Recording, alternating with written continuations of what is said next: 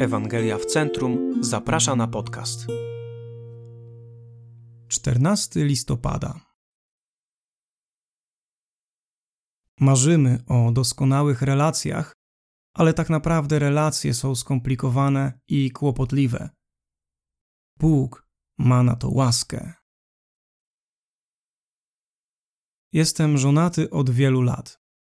Mam wspaniałą żonę.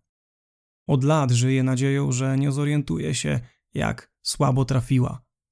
Z dużej odległości można by dojść do wniosku, że tworzymy właściwie bezproblemowe małżeństwo. Nasze relacje nadal są jednak skomplikowane. Zazwyczaj poniedziałki spędzamy razem. Uwielbiamy to i cieszymy się, że możemy razem spędzić czas. Gdzieś jednak w samym środku jednego z ostatnich poniedziałków doszło między nami do nieporozumienia. Oboje przyjęliśmy obronną postawę. Napięcie było ewidentne. Zanim poprosiliśmy się nawzajem o przebaczenie, cisza trwała zbyt długo. Można powiedzieć, że to drobnostka, ale z takich rzeczy składa się nasze życie. Cały czas powtarzam ludziom, że nie żyjemy tylko dużymi, ważnymi momentami. W całym naszym życiu podejmujemy tylko kilka wielkich decyzji. Większość z nas nie doczeka się wydania własnej biografii. Po naszej śmierci większość naszych historii umrze razem z nami, zapomnianych. Żyjemy małymi chwilami, więc charakter naszych relacji nie składa się z trzech lub czterech przełomowych momentów, lecz powstaje z dziesięciu tysięcy drobnych chwil. Jak wyglądają te małe chwile w Twoich relacjach z ludźmi? Jak radzisz sobie z tymi komplikacjami i trudnościami.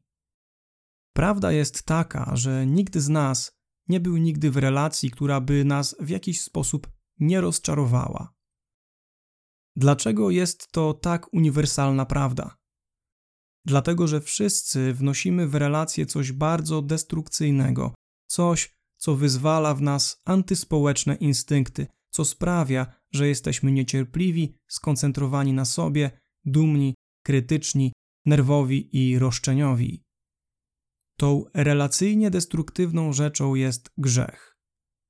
W drugim liście do Koryntian czytamy, że Jezus przyszedł, żebyśmy już nie dla siebie samych żyli. To prawda, że w centrum DNA grzechu znajduje się egocentryzm. Sprawia, że wszyscy jesteśmy zbyt skoncentrowani na sobie i tylko sobą zajęci. Grzech redukuje obszar naszych zainteresowań do własnych zachcianek, potrzeb i uczuć. Sprawia, że wszyscy mamy poczucie uprzywilejowania i jesteśmy zbyt wymagający. Doprowadza do tego, że łatwiej nam wydać osąd niż służyć miłosierdziem. Czyni nas niechętnymi, by przymknąć oko na drobne przewinienia innych. Sprawia, że nie odpuszczamy tego, co dawno powinniśmy wybaczyć. Sprawia, że zamiast gotowości do wyznania błędu rodzi się w nas chęć obrony własnej sprawiedliwości. Cały bałagan panujący w relacjach to bałagan grzechu. Przyznanie tego to wielki krok w kierunku nadziei. To od egocentryzmu grzechu przyszedł uwolnić nas Jezus swoim życiem, śmiercią i zmartwychwstaniem. Oznacza to, że jest łaska na każdy taki skomplikowany i przykry moment. Wchodzisz w nią, przyznając, jak bardzo jej potrzebujesz. Dalsze rozważania i zachęta list do Efezjan 4, 17, 32.